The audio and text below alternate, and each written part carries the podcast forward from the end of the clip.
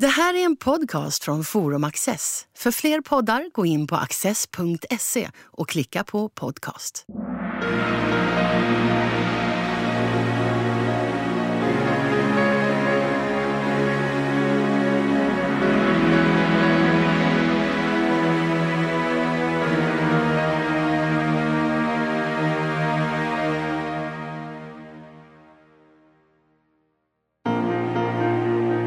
Under åren 1918 till 1921 infördes den allmänna och lika rösträtten.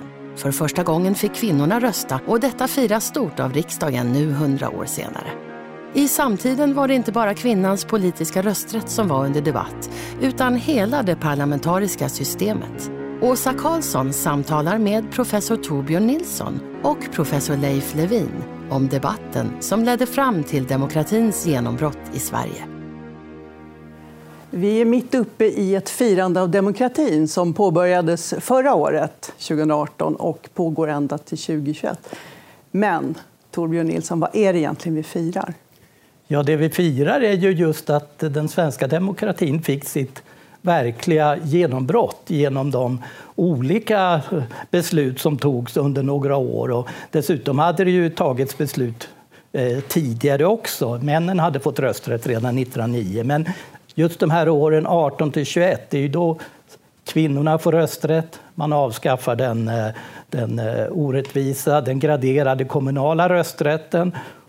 Och det hade väldigt stor maktpolitisk betydelse för den avgjorde att första kammaren skulle få en konservativ prägel och gjorde första kammaren till en bromskloss i sådana här frågor. Så det var sedan 1800-talet en stridsfråga från de mera folkliga krafterna så att säga, från vänster. Och dessutom så har vi då den praxis som uppstår att parlamentarismen ska råda. Kungen ska inte ta avstånd från sin regering, vilket han gjorde 1914. Precis. Och det här du sa om graderade röster. Alltså ja. Det är det man menar med man talar ju alltid om allmän och lika rösträtt. Ja. Lika rösträtt det är det att alla får lika stor röst. Ja. Så att säga. Ja, och allmän det är att alla får rösta. Och det ja. hade de inte fått tidigare. Nej, alltså när den politiska rösträtten som man talar om, det vill säga rösträtten till andra kammaren, den var ju från 1867 starkt begränsad. 20 procent av de vuxna männen talar man om. Det ökade ju, men ganska långsamt. Så först 1909 fick då... Eh, och den politiska rösträtten har alltid varit alltså en man, en röst. Den har aldrig varit graderad. Men då fick män rösta. Men det var fortfarande många som hamnade vid sidan om därför att de hade obetalda skatter och fick fattigvård och så vidare. Så att var femte presumtiv väljare försvann där. Eh, men den graderade rösträtten det var ju på den kommunala sidan och där kunde man beroende på förmögenhet eller lön få i början faktiskt flera tusen röster. Det minskade ner 1909 till, eh, till 40 röster högst. Men det var fortfarande en, en, så att säga, en, en, en gradering som stärkte de konservativa krafterna. Men visst är det så att det är, vi säger allmän och lika rösträtt, men det fanns fortfarande begränsningar ja. även efter det här beslutet. Ja. Och som har tagit ganska lång tid egentligen innan man har tagit bort. Man satt i fängelse, fick man inte rösta, om man har gått i konkurs eller man var ja, svårt skuldsatt. De, de begränsningarna fanns ju fram till 21, då, då försvann flera av dem, men några av dem fanns som sagt kvar och avskaffades 1945 och så vidare. Men då var det väldigt få som berördes, men det fanns ändå vissa sådana restriktioner. Mm. Vad var det som hände i omvärlden? För det här är ju en ganska orolig tid, 1910-talet, eh, som liksom knuffar på den här förändringen. Jag tänker på första världskriget, det är revolutioner. Hur påverkar det den svenska politiken? Ja, alltså dels så påverkar den ju i och med att världs, första världskriget bröt ut att det blev så att en slags politisk borgfred. Så att det var de här frågorna om eh, kvinnlig rösträtt och eh, lika rösträtt på den kommunala sidan, det, det fördröjdes ju genom att man, man så att säga, nationell sämja. Men framför allt så betyder det att i krigets slutskede, alltså från hösten 1918, så blev det ju en en revolutionsvåg och en orosvåg i hela Europa. Och med, ja, I Finland inbördeskrig, revolutionen i Ryssland, i Tyskland och i Sverige så var det då omfattande demonstrationer och hungermarscher och så vidare. Så det var en väldigt speciell och laddad situation. Och jag menar ju att just den här snabba förändringen som skedde hösten 1918, eller november, december 1918. Det har sin följd i det väldigt osäkra läget runt om i, i, i världen och i Europa och i Sverige. Och det gjorde att de, även de samhällsbevarande krafterna insåg, många av dem, kungahuset och ärkebiskopen och, och sådana, att det måste bli en reform. Regeringens, vänsterns, socialdemokrater och liberaler måste få sin reform igenom. Och då kunde man samla sig till beslut 17 december 1918. Ja, det var ju ett första beslut där den kommunala rösträtten, det kunde man ta på en gång, men man kunde inte ta om eh, kvinnornas rösträtt, för det krävde ju grundlagsförändringar. Så därför tog det ett par år innan det formellt var färdigt. Men man så att säga uttryckte en, ett löfte kan vi säga. Och då kan man ibland höra att det löftet kunde man väl inte lita på. Det för att i nutiden säger att det 17 december inte var så viktigt, men det tycker jag är helt fel. Det som eh, riksdagen hade sagt, det följde man ju sen också. Så att, eh, det blev så, men det var ju först hösten 21. Det var helt klart då. Mm. Och det är därför vi firar till och med 21, ja, vi första fira, valet. Ja, precis. Vi kan fira början av 22 också när den första riksdagen sammanträder med med för första gången kvinnor i De första fem ja, eh, kvinnliga riksdagsledamöterna, ja. januari 22. Ja. Precis. Just det. Men det, föregicks ju, det här beslutet föregicks ju av en lång, lång process med mycket eh, olika steg och diskussioner. Och ska vi bara säga något kort om hur ser de här grupperingarna ut, Torbjörn? Vad är det för vi har vänstersidan med socialdemokrater och liberaler, eller hur? Ja. Som de är helt för. Vi ska ha en personlig rösträtt. Det, det, kan man ju säga. Sen finns det fortfarande viss tveksamhet på vissa håll om att ska man verkligen ta bort alla spärrar, alla de här extra spärrarna så att säga. Men, men i huvudsak så är det, det är rösträttskraften i, i Sverige och så småningom får vi då vänstersocialister på vänsterkanten som då blir revolutionära. Och de, för dem räcker ju inte det här, utan det är något annat de ska ha. Eh, och så har vi då högern. Som, Precis, högern. Ja. Och det är ganska komplicerat att tala om högern. Ja, det är inte alltså, ett samlat parti Historien är alltid riktigt. komplicerad. Men, men, ja, men det här är ännu mer komplicerat. Ja, men alltså, vi har ju ett parti som grundades 1904, men det är ett ganska det är ett parti som man egentligen inte ville bilda, som man tvingas till därför att det är valkamp och så vidare. Men, så det är en lösligare organisation, så man har inte riktigt hunnit ikapp. Och frågan är vad menar man med höger? Menar man partiet eller menar man olika grupper? Menar man individer och så vidare? Så att, där får man göra klart för sig. Men det är inte alls samma partiband som idag och framförallt inte, inte inom högern då som kan ha olika grupperingar. Det var ju också de som var mest oböjliga och de som var reformsinnade, så man har hela spektrat där. Och så måste man väl också nämna att det finns grupperingar utanför riksdagen som driver på. Vi har ju till exempel både LO och SAF är ju ganska nybildade organisationer som har intressen här. Eh, det finns Sveriges allmänna rösträttsförbund, man sammankallar folkriksdagar. Det händer mycket utanför riksdagen. Och framför allt Landsföreningen för kvinnors politiska rösträtt som ju driver på väldigt mycket, väldigt organiserad. Ja. ja. Då har vi sidorna. Men var, hur går diskussionen? Och framför allt, hur argumenterade förlorarna, högern, i den här diskussionen? Leif Levin. Ja, vänstern, liberaler och socialdemokrater fick igenom sitt program för parlamentarisk demokrati och högern förlorade, brukar man säga. Och de kände sig verkligen som förlorare. Det var en mycket deprimerad stämning efter författningsreformen 1918. Men eh, jag tycker ändå man kan nyansera den bilden av förloraren lite grann. Det var slutpunkten på en minst 20-årig diskussion om innebörden av parlamentarism. Högern motsatte sig eh, Staff och, vänsterns tanke på klassisk parlamentarism, det vill säga att vinnaren tar allt, förloraren får ingenting och eh, majoriteten bildar regering och eh, minoriteten opposition.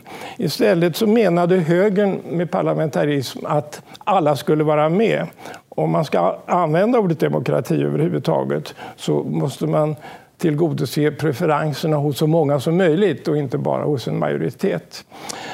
Och nu var det så att tio år före reformen hade högerregeringen under Arvid Lindman eh, infört en ny valmetod. Man hade gått över från majoritetsval till proportionell valmetod. Det var en stor taktisk seger. som vänstern motsatte sig. Och eh, det är anmärkningsvärt att när allmän rösträtt för män infördes 1909 röstade både Hjalmar Branting och Karl Staaff nej. Det var högerregeringen som införde allmän rösträtt men de var inte särskilt intresserade av allmän rösträtt men de var intresserade av proportionell valmetod. Och proportionell valmetod? Har man proportionell ja. valmetod är det lättare att komma in och ja. kommer många in är det svårare att få majoritet. Man måste samarbeta. Så ironiskt så kom den gamla högerns författningsideal om samarbete istället för strid att föras över till den unga demokratin. Och Sveriges historia efter 1918 är en historia om minoritetsparlamentarism. När vänstern vaknade upp på morgonen efter den demokratiska reformen blev de väldigt förvånade. De fick ingen majoritetsregering. Utan vi har då i hundra år haft minoriteter istället som har tävlat. Så de gamla högermännen skulle egentligen vara ganska nöjda med det samarbete som har tvingats fram. Det här skulle Arvid Lindman inte alls förstå. Han var en kortsiktig taktiker som skickligt drev spelet. Men jag tycker det finns anledning att tänka på att det snarast är 1800-talskonservatismens samarbetsdemokrati som finns i den svenska modellen än Karl Staaffs klassiska parlamentarism. Och det är intressant, man tänker mycket av de argument som man ser då på högerns sida är ju det här äh, vi tar ansvar för helheten, vi tänker på samhället, inte bara det enskilda partiets ja. egoistiska intresse. Ja. Du menar liksom, de lyckas ju på sätt och vis kanske behålla en del av det här tänkandet i den nya tiden? Ja, det, det, var för de gamla högermännen önskvärt med samarbete. För den moderna svenska demokratin är det nödvändigt med samarbete. Men samarbete sätter mera sin prägel på svensk partipolitik än eh, klassisk parlamentarism. Ja, och det är ju helt riktigt. men dessutom kan man ju också tillägga att den formen av samarbete skulle ske under vissa förutsättningar därför att Lindmans väldigt eh, vad ska jag säga, eh, intelligenta reform. Han pressade ut så mycket han, han kunde för att förhindra att det var vänstern som skulle komma med alla positiva förslag. Men han be, man behöll ju trots allt första kammarens ställning och den vill, ville man ju värna om. Så att där var ju inte frågan om, i alla fall inte i början av 1900-talet, att man så att säga skulle gå ifrån den här graderade skalan. Man minskade den, men fortfarande satt en konservativ majoritet i första kammaren. Så att, däremot så kunde man på olika sätt samverka, men det var en samverkan under den förutsättningen att man behöll den här elitistiska första kammaren som kunde säga nej till alla lagar som, som kom. Och det kunde ju andra kammaren också. Ja. Men det var ju den förändringen 1900 17 och 18 att man allt mer insåg att vi kan, kommer inte kunna försvara den här första kammarens ställning. Vi måste på något sätt ge med oss. Och då gjorde man ju det till slut. Man släppte den här graderade rösträtten. Och då vill man istället ta så mycket som möjligt av olika rösträttshinder som förhindrade, som man menade, då personer som inte hade uppfyllt sina medborgerliga rättigheter. De hade inte betalat skatt, de hade begått brott, de hade fått fattigvård och så vidare. Så de skulle man ju hålla borta. Det blev högens sista skans och det var ganska lite man fick kvar. Så att 1918 var ju det var ett klart nederlag för högern, visst var det? Det, var, det är alldeles riktigt att första kammaren räddades och högern kunde glädja sig åt det. En sak som var minst lika viktig var också att monarkin räddades. Och eh, det hade en djup symbolisk betydelse. Det högermännen vände sig mot var liksom pöbelvälde, gatans parlament att det gick till som det gjorde i Ryssland.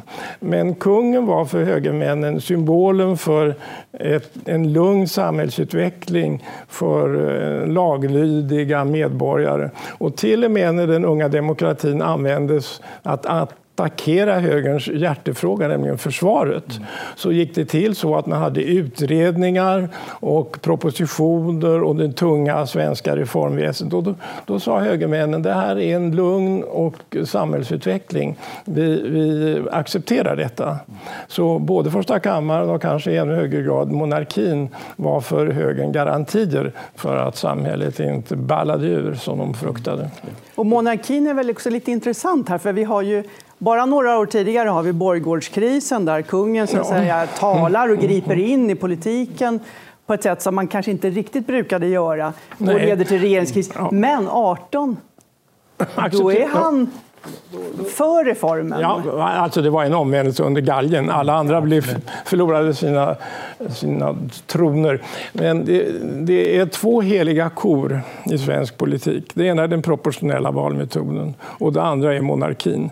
Bara några år tidigare hade båda varit väldigt omstridda. Men nu så tog man både proportionalismen och monarkin till sitt hjärta. Och det har man fortsatt med. Så sent som Per Unckel grundlagsutredning då, 2008 så sa man utan att jag är rädd, man kunde historien, nästan ordagrant samma sak. Här ska vi reformera, men det finns två saker som vi icke vågar röra vid den proportionella valmetoden och monarkin.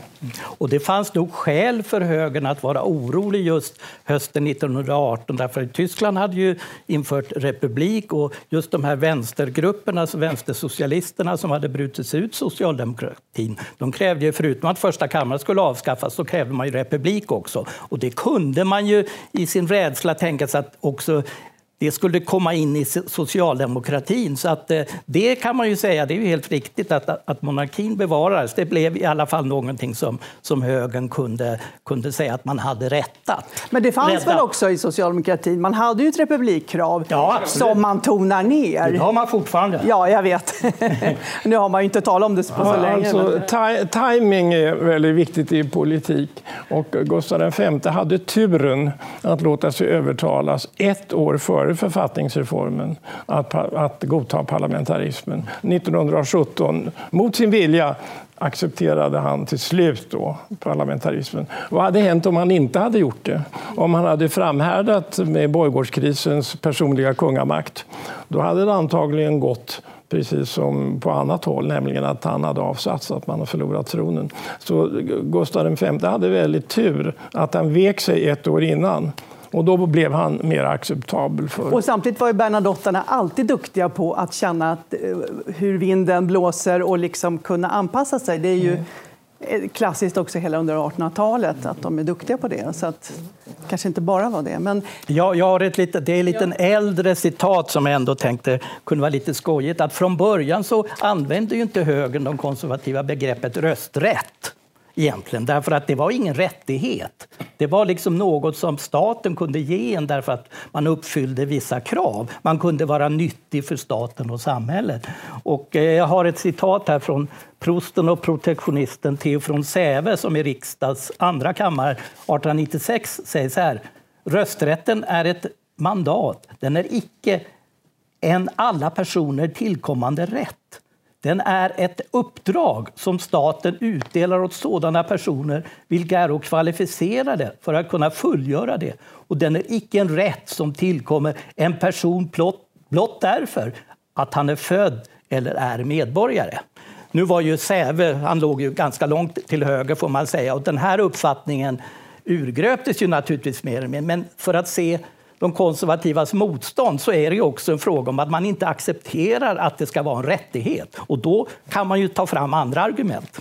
Och de talar mycket om skyldigheter, ja. de konservativa. Absolut. Alltså att eh, vi har förmögenheter, vi har eh, fastigheter, alltså är vi ansvarstagande. Vi har en, eh, en så att säga, vi har en grund för de reformer vi gör, att inte det ska eh, göra oss fattiga. Men de som inte har det här, de kan hitta på vad som helst av reformer. Alltså, och det är inte förmögenheten i sig, och... utan det är ju det, det sa man redan, det sa redan Louis De Geer i mitten av 1800-talet, att det var att den som har förmögenhet kan stå oberoende mot olika krafter i samhället. Så att förmögenheten var inte bara för att man samlat ihop den, utan då kunde man vara en fullvärdig, på den tiden alltså, medborgare och en eh, sitta i de högsta organen. Förmögenheten är tecken på förmåga. Ja. Man måste ha kompetens.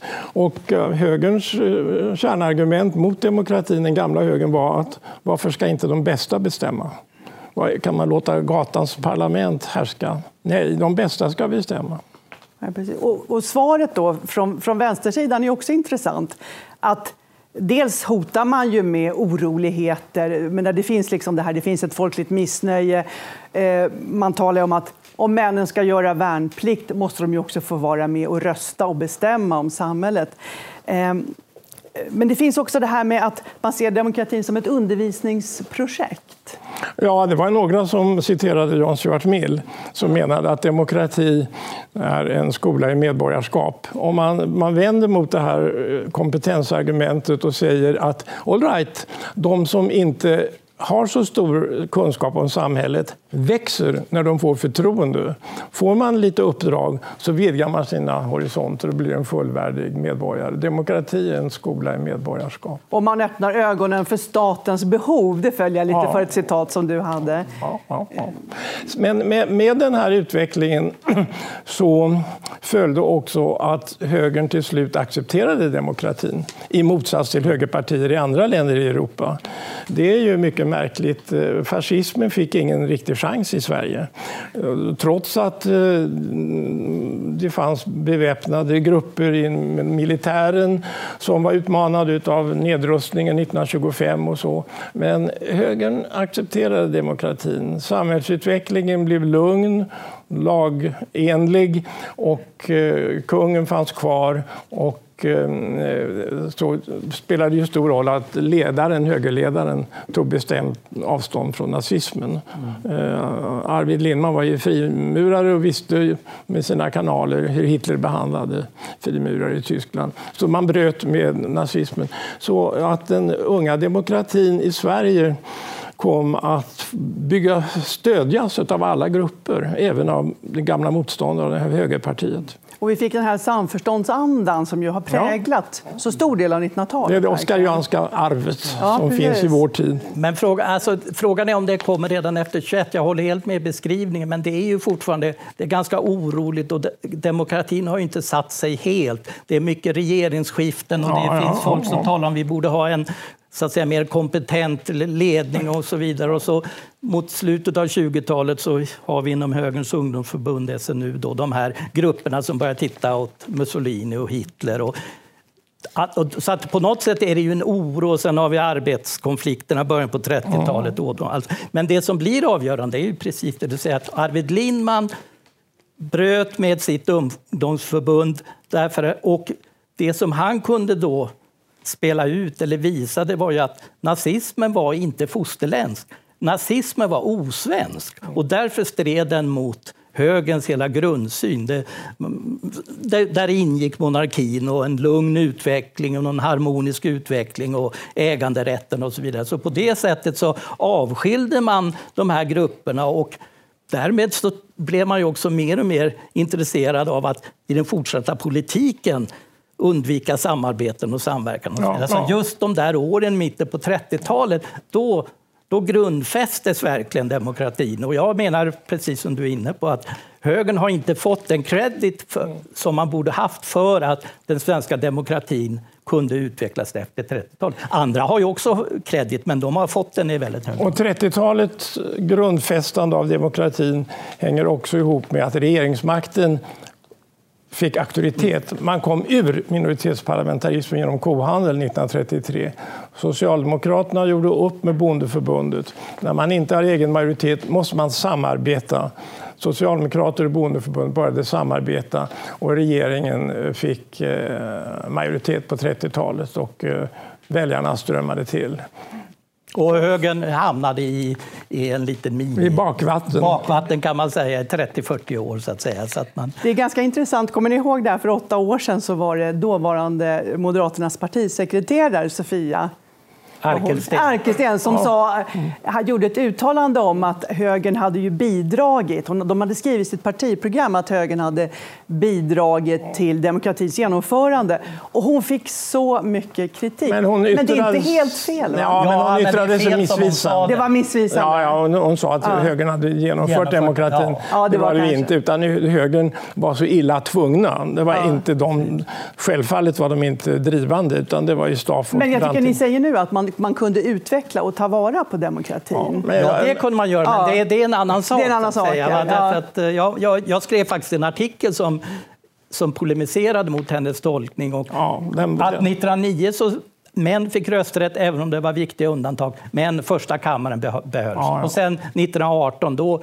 då var det väldigt viktigt att man accepterade demokrati. Men det var inte så att man stod i främsta ledet, tvärtom. Nej. Man lät sig man föras fram tvingades. till demokrati. Nu har vi ju talat eh, om det här 100-årsjubileet och demokratins införande, eller genombrott men väldigt lite om kvinnlig rösträtt. Mm. Men i själva firandet så är ju kvinnlig rösträtt har ju varit väldigt dominerande. Ja, alltså det är det, stämmer det med ja. vad som hände egentligen? Ja, alltså, vad, vad det beror på vad man menar. Man kan säga att resultatet av det här som innebar att hälften av Sveriges medborgare också fick bli politiska medborgare. Det var ju en eh, genomgripande förändring som har betydelse för hela den framtida utvecklingen sen. Så, att, så att det, det, det är självklart så. Dessutom så var det en, så att säga, en, en, kamp för att alla skulle få samma medborgerliga rättigheter, män som kvinnor. Så det, det är en, en, sak. Men när vi nu närmar oss just de här avgörande momenten 1918, då är den frågan inte lika viktig. Då, då är den ett del av, en del av ett paket, men det helt avgörande för högerns och vänsterns kamp hösten 1918 det är ju då, ska man, ska, ska man avskaffa den här eh, graderade kommunala rösträtten? Ska man avskaffa första kammarens elitistiska roll. Det är det som det står och liksom balanserar med. Det är där ja. på olika sätt högern vill ha garantier på olika sätt. Kvinnorösträtten har man ju så småningom börjat acceptera och dessutom börjat tänka som så att Ja, men kvinnorna är ju mer religiösa än männen och de kommer kanske rösta på oss i högre utsträckning. Och det var ju sant. Så blev det Kunde båda sidor också tänka att vi kanske gynnas av att ja, kvinnorna absolut. börjar rösta? Men det stora brottet var ju då vid första världskrigets slut. Ja. En ny värld väntade. Man tänkte sig att eh, vänstern kunde använda sin majoritet, som man felaktigt trodde man skulle få, till att utjämna sociala orättvisor och aldrig mera krig och paradiset på jorden. Det var en oerhörd optimism som sen istället följdes av besvikelse och fascism. Som det brukar vara. Ja. Tack så hemskt mycket för att ni kom hit och pratade om demokratins genombrott. Tack så mycket. Tack.